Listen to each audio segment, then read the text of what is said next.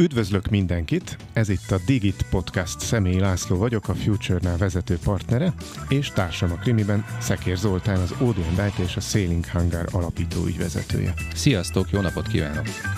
A Digit Podcast célja, hogy akit nem elégítenek ki a felszínes cikkek és a hangzatos jelszavak, az közelebb kerülhessen a digitalizáció és az informatika mai meghatározó trendjeihez.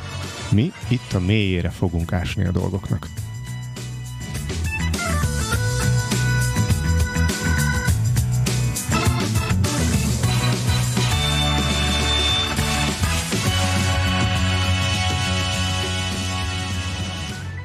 Akik velünk tartottak az előző adásban is, azok emlékezhetnek rá, hogy volt egy pont, ahol a jelszólópás és az egyéb IT biztonsági kockázatok kapcsán elkezdtünk beszélgetni az üzleti tervről.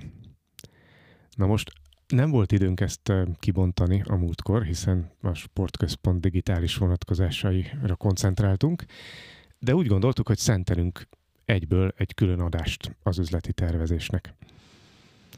És ugye legutóbb az üzemeltetésnek is megvizsgáltuk a digitalizált lehetőségeit, így aztán úgy gondoltuk, hogy ezúttal az üzleti terv kapcsán a költségterv részét is kórcső alá fogjuk tudni venni. Ennek nagyon örültem, hogy például láttam tőled egy posztot. Igen. Pár hónappal ezelőtt, a mai témát felvető posztnak is mondhatnám, ahol azt fejtegetted, hogy egy, egy sportközpont felépítésében, és a, az innovatív, meg a digitális eszközöknek a, a használatát is beleértve, mégis az első lépés az egy üzleti terv. Igen, annak kéne lennie. Uh, igen, szerintem is annak kéne lenni, és azért érdekes ez, mert hogyha van egy üzleti terv, ha idáig, vagy ilyen gondolkodás mentén épül bármilyen cég, de akár egy spörtközpont is, hogy van üzleti terve, abban lesznek például számok. Lesznek arra számok, hogy mennyi bevételt szeretne valaki. Azt meg kell, meg mennyi kiadása van. Azt meg kell tudnia mondani, hogy az miből jön. És előbb-utóbb eljut oda az üzleti tervben a, a gondolkodás, hogy az az ügyfélből jön, aki a mi szolgáltatásainkat használja. És ha ez benne van a tervben, és van egy tervem, hogy ide akarok eljutni, és ezért fogja megérni mhm. nekem sportközpontot csinálni, akkor utána szerintem nagyon logikus igény és, és vágy lesz azokban az emberekben, akik ezen a terven dolgoztak és, és megvalósítják, hogy mérjük azt, hogy valóban ez történik-e, hogy közeledünk-e ahhoz, amit terveztünk. De mennyire lehetek most provokatív ezzel a mondattal? Mert azért itt eh, láttam pro és kontra dolgokat. Tehát az egyik, amikor nagyon meg volt tervezve, kilóra, dekára, a másik oldalon pedig a majd lesz valami. És mind a kettőben láttam, hogy az elmúlt húsz évben én ezzel foglalkoztam, üzletfejlesztésekkel foglalkoztam, vezetőképzésekkel, hozzátartozó IT biztonsági kérdésekkel. Illetve nyilván benne volt az is, hogy ennek milyen, milyen financiális uh, vetületei vannak. És azért azt láttam jellemzően, hogy jött az emberek, csináljuk meg, mint a Rátóti legényanyában, hogy Jó ötlet, Béláim, Béláim, toljuk arrébb a kocsmát, és hát elkezdték arrébb tolni a kocsmát, úgyhogy ledobták a pulóvert, azt közben senki nem figyelte, hogy azt a pulóvert közben valaki elvitte. És hogy jellemzően... Meg hogy meddig toljuk a kocsmát? Hát a meddig toljuk ott sem figyeltük feltétlenül, meg hát nem volt ennyire precíziós a művelet, hogy üzleti terv. Tehát nagyon sokan nem is tudják, hogy mi az, hogy üzleti terv, hanem arról beszélnek, hogy szerintük előre felé kell menni, és az előre menésben egyszer csak lesz valamilyen eredmény, ami majd pozitív uh, szaldót fog hozni, nem pedig negatívot. És hogy ebben azért emberek vesznek részt, munkavállalói és szolgáltatás kiszolgáló igénybevevő oldalon is. És hogy te mit láttál, mit tapasztaltál? Mert ugye mondtad, hogy bank. Oké, okay, de ezért ez egy tágfogalom, tehát hogy a, a bank az én szemszögemből megközelítve adja a pénzt valamire, de hogy azt ti hogy láttátok, hogy ezek a projektek hogy váltak be? A bank vagy egy nagyvállalat terve, az teljesen más, mint egy, mint egy KKV, vagy egy sportközpont. Egy nagy szervezetnek a, a terve az általában épít arra az előnyre, hogy van egy tankhajó, aminek, aminek van egy óriási lendülete. És és azért olyan gyorsan nem változik sem a körülötte lévő világ, sem ő maga ahhoz, hogy, hogy egyik évről a másikra ne lehet, eh, ne viszonylag jól bejósolni, hogy miből mit szeretnénk csinálni. Nyilván az elmúlt években bőven volt példa arra, hogy, hogy ezeket fenyegeti a veszély, de ugyanakkor, hogyha ha megnézzük, hogy egy ilyen óriási trauma, mint egy Covid, vagy, vagy egy háború, valójában mennyire térítette el a terveiktől ezeket a nagyvállalatokat? Én azt hallom, hogy azért 10 meg 20 százalékkal térítette el. Az nem olyan nagy eltérés. Nyilván, hogyha emiatt kell elbocsátani embereket, az súlyos kérdés, viszont azért a tervezésnek a, a a feladata szerintem ott sokkal könnyebb az előző évekből kiindulva. Most ehhez képest pláne egy induló sportközpontnál, mondjuk vegyünk egy vidéki magyar város, nem tudom, Szeged, vagy, vagy Hódmezővese, vagy a Veszprém, teljesen mindegy, melyik részében a városnak, egy ilyen méretű városnál, ha elindítok valami újat, eh, akkor azért szerintem nehéz olyan adatokat, meg, meg múltbéli dolgokat találni, amiből a következő egy évet, két évet lehet tervezni. Tehát szerintem ne keverjük a, a, a két feladatot Jó, össze, nem? Én, én provokatív kérdéseket uh-huh. teszek föl, Laci, tehát hogy azért a szándékos, hogy, uh-huh. hogy ezekből uh, merítkezve, hiszen gyakorlati tapasztalatok jönnek, hogy üzleti tervet arra vonatkoztatóan, hogy hány darab bérlőm lesz, nem tudok csinálni egy ilyen szituációban, csak becsülni.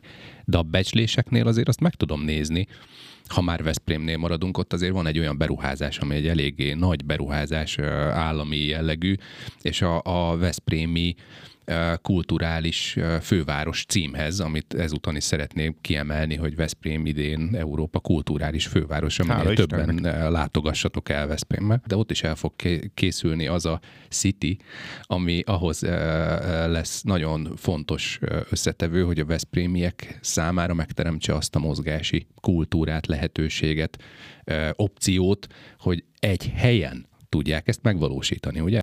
Egy picit beszélgessünk arról is, hogy hogy kerültünk ide, meg hogy ki, ki kicsoda. Ugye, hát annyit tetszettek tőlem hallani, hogy Szekér Zoltán vagyok, de hogy nekem van egy cégem, ami 2004 óta működik, jelenleg négy darab uh, divízión van, ebből az egyik az uh, kiberbiztonsággal foglalkozik, a másik marketinggel, a harmadik az vezetésfejlesztéssel és mentális egészség megőrzéssel, és a negyedik az gyakorlatilag pénzügyekkel. És a pénzügyes rész az, ami legtöbbször nem csak arról szól, hogy bevallom-e hóvégén az adót, vagy nem, hanem arról szól, hogy hogyan kötöm össze azokat a terveket, amik a fejlődéshez tartozó megoldási javaslatoknak a pénzügyi részét tartalmazzák. Egy teremben nekem tudnom kell azt is, hogy egy sportközponthoz milyen típusú felszereléseket kell beruháznom, és annak milyen a fenntartási költsége. Nem tudom azt elképzelni, hogy valaki egy akár kockás papíron, de ne számolja ki, hogy neki egy évre mekkora költségei vannak, mert aki nem számolja ki, hogy mekkora költségei vannak, az azt sem tudja megmondani, hogy azt, hogyha hitelből szeretné fedezni, annak milyen megtérülési ideje van. Ugye egy hitel, ez nem ajándék, és ez nagyon érdekes volt. Beültem egy taxiba és ez kifejezetten, most próbáltam a helynek a nevét mondani, de hogy Magyarországon volt, és egy magyar nagyvárosban volt, amikor is a taxis karácsony előtt lelkendezve mondta, hogy hát most már, most föl fognak venni hitelt, mert most nagyon jó a hitel, és hogy a hitel, hitel, hitel, hitel. És, és mire? Tévére, képzeld el. És meg, megkérdeztem, hogy jó, jó, tehát hogy, hogy egyébként ezt a tévét, ezt a jelenlegi fizetésből amúgy, ha félretesz pénzt, meg tudná venni? Azt mondja, hogy nem, mert ki vannak centíze. De hogyha fölvesz egy hitelt, akkor annak havonta van annyi törlesztő részlete, amennyi törlesztő részletet jelenleg nem tud kifizetni. Akkor miből gondolja, hogy azt a tévét megéri megvásárolni? És most erre azt mondta a taxis, hogy ő ezt így nem gondolta végig. És ugyanezt érzem egy picit akkor, amikor beruházásról beszélünk, hogy a beruházási költségek borzasztóan magasak. Nem elijeszteni akarok senkit azzal, hogy most akkor nem lehet belőle, de be lehet ruházni, csak érdemes végig számolni azt, hogy a megtérülésem alatt azokat a költségeket, amit én fix költségnek hívok, mert ugyanúgy fogom fizetni a benzinemet, az autómat, a, a bejárásomat, a, most csak az a alapvető fűtést. dolgokat fogom venni, jó? Tehát a fűtést, a vízt, a villanyt, a, a, a gázt, a számítógép havidíjától elkezdve az internet költsége, még mindent, plusz a nyakamba vettem egy hitelt, amitnek a költsége extra. Nincs meg. Majd meg lesz három év múlva, vagy közben az első kiadott uh, helyiségből. De hogy veszik ki a helyiséget? Tudom, hogy kik fogják kivenni? Tudom, hogy kérek kauciót, nem kérek kauciót? Miből fizettem a takarítónőt? Tehát az az érdekesség volt nem régiben, hogy egy nagyon jól induló gondolat tudott elbukni azon, hogy a finanszírozásnak az a része, ami az épület fenntartás. Ez a Maslow piramis alja. WC papír. Van vagy nincs. És ezen múlik az, hogy például tisztaság. Tehát bemész egy sportközpontba, az üzleti tervedből hiányzik az a, a sorocska, hogy egyébként fenn kell tartanom. Napi szinten, heti szinten, óránként körbe menni, felmosni, feltörölni, télen van-e lehetőség, nincs lehetőség, ki fogja megcsinálni, bérlő fogja megcsinálni, nem fogja megcsinálni. Zoli, ez szerinted tipikus? Tehát, hogy gyakori az, hogy nem gondolunk mindenre, vagy minden ilyen Azért, állandó kiadásra? Ne, nem, nem gondolhatunk mindenre, de azt, azt nem tudom megmondani, hogy mi a tipikus. Mert nem értem. Tehát van, aki pontosan tudja, és ennek ellenére meglépi. És az elmúlt húsz évben szintén volt erre praxis, hogy egy, elmondtam előre egy tulajdonosnak, hogy milyen veszélyekkel és fenyegetésekkel áll szemben. Tehát ez nagyon, nagyon egyszerű SWOT.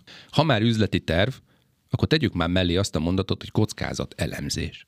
Nem csak egyfajta van, többfajta elemzésünk van. A elemzés arra való, hogy nagyjából megmutassa a várható és bekövetkezhető pozitív és vagy negatív eseményeket.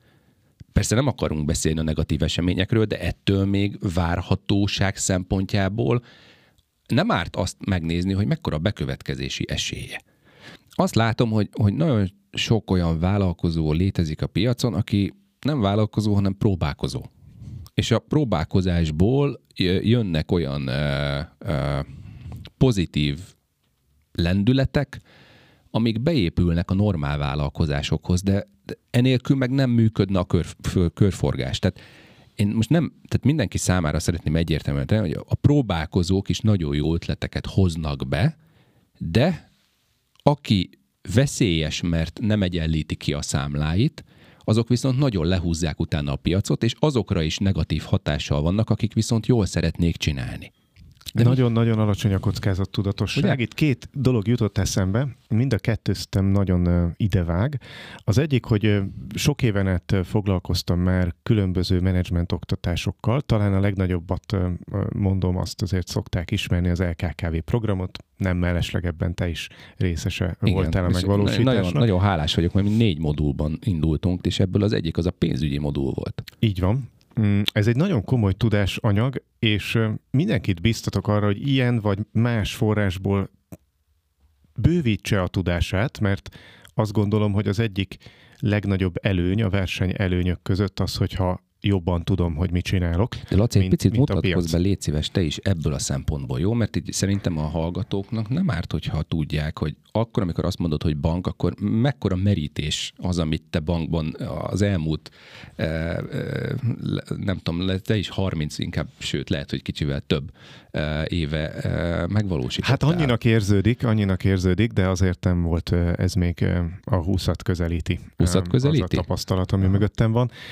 Én egy nagyon pici bankban kezdtem dolgozni még egyetem mellett, amit akkor Ella banknak hívtak.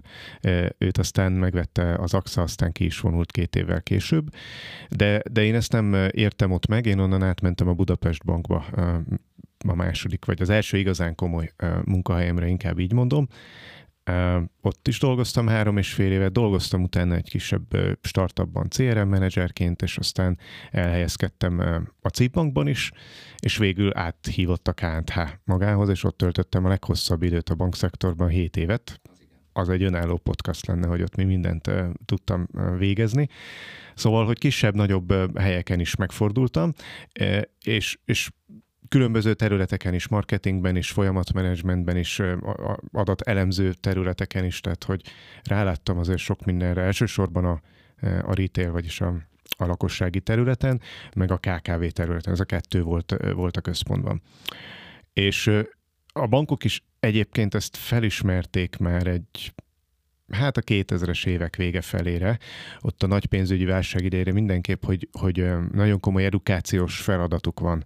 Nem csak azért, hogy eladják a termékeiket, hanem hogy lehetőleg úgy tudják eladni a termékeiket, hogy az a kockázataikat nem növeli. A bankok a legkockázatok tudatosabb intézmények a biztosítók mellett, tehát minden szektort összevetve szerintem ott van a legnagyobb tudás arra, hogy milyen kockázataink vannak, és hogyan kontrolláljuk ezeket a kockázatokat.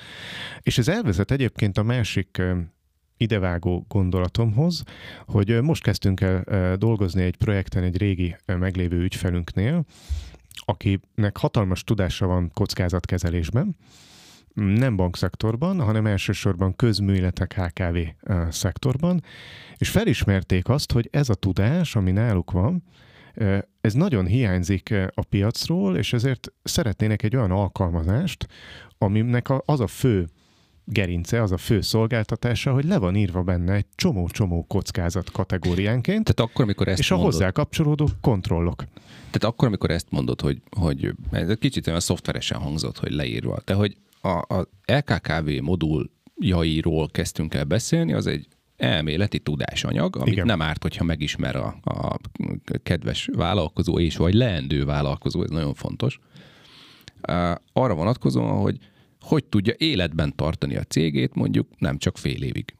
Hát, hogy hogy tud jobb lenni a versenytársain, jobb hogy, tud fejlődni, mi, mi lehet neki a következő lépés. Az LKKV-ban van vagy száz órányi tudásanyag, ennek egy részét bármely vállalkozó tetszés szerint hoz nekem ide egyet, bármely vállalkozó egy részét már tudja valahonnan.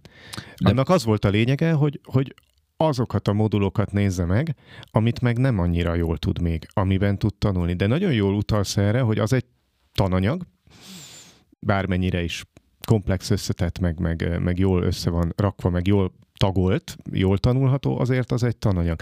Amit itt most a második esetben mondok, az viszont egy alkalmazás.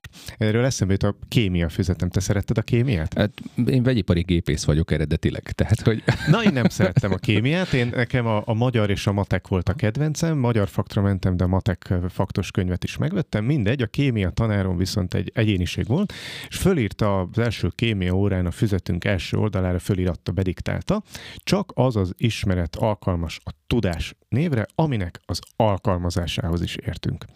Na és ezzel a kockázati leltár alkalmazással, ezzel ezt célozzuk, hogy ne csak megtanítsunk egy vállalkozónak kockázatokat, hogy akkor ő fel tudjon sorolni, ha álmából fölkelték, hanem kifejezetten ő saját magára nézve gondolja át, és alkalmazzon egy kockázatmenedzsmentet. Van, ahol ez kötelező, egyébként közműszektorban törvény előírja, hogy, hogy kötelező, meg az ÁSZ nézi, de a KKV szektorra nincs ilyen előírás.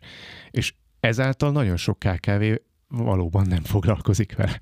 Hát ugye nagyon, nagyon nehéz, nagyon elképesztő mennyiségű uh, információ érkezik arról, hogy miért nem csinálják.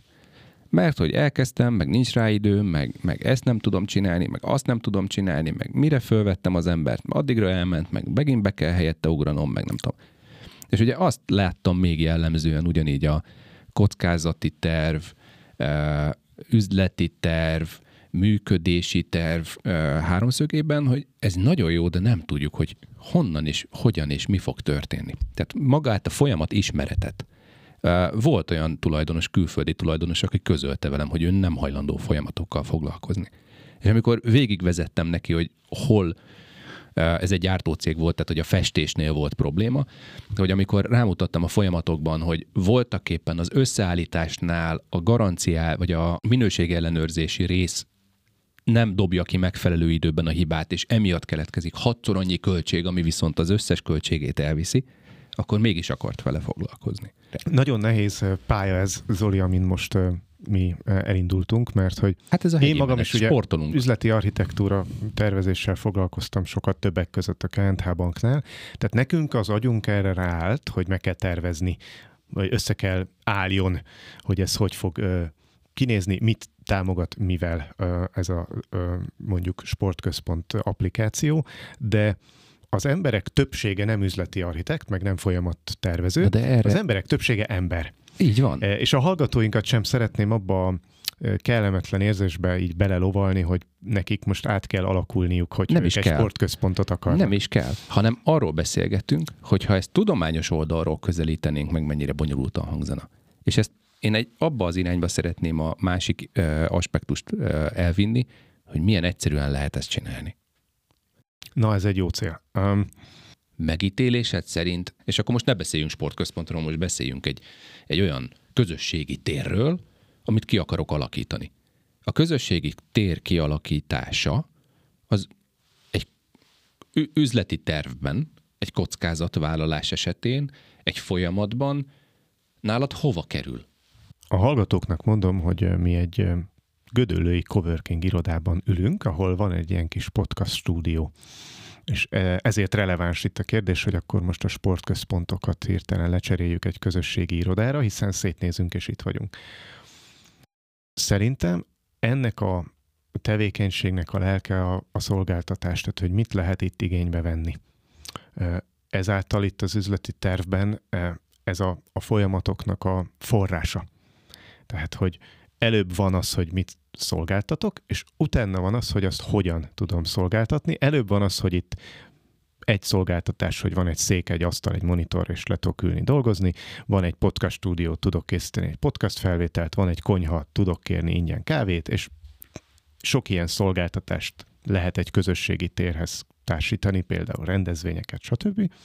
És utána jön az, hogy egy-egy szolgáltatást hogyan vesz igénybe az ügyfél, hogyan kéri, hogyan fizeti, mit csinál itt, hova teszi a kabátját, nem tudom, és esetleg a végén hogyan értékeli. Nagyon jó. Ez pontosan megint egy provokatív kérdésem volt. Mégpedig azért, mert hogy előbb szokott elkészülni jellemzően az elmúlt egy évben, semmi más nem hallottam, mint előbb legyen meg valami, mint ahogy egyébként az összes többi, amit elmondtál előtte megvalósul.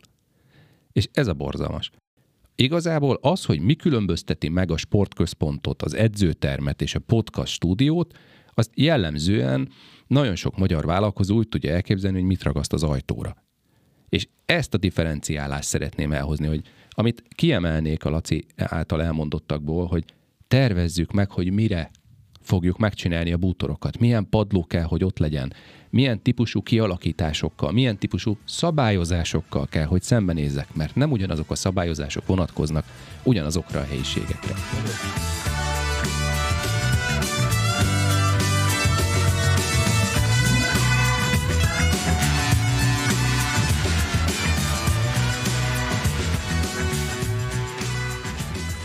Az üzleti terv tehát nem csak a pénzügyeket, hanem a szolgáltatásokat, sőt a hatósági szabályoknak megfelelő folyamatokat is magában kell foglalja. És csak ezek ismeretében kezdhetünk foglalkozni az applikációkkal, azaz a digitalizációval. Köszönöm szépen, hogy itt lehettem, és köszönöm Laci a meghívást. Köszönjük a figyelmet ismét. Sikeres üzleti tervezést kívánnak a műsort készítők, a moderátor Személyi László, a Future Now vezető partnere. És társa a krimiben Szekér Zoltán, az OD&IT és a Sailing Hangar alapító ügyvezetője.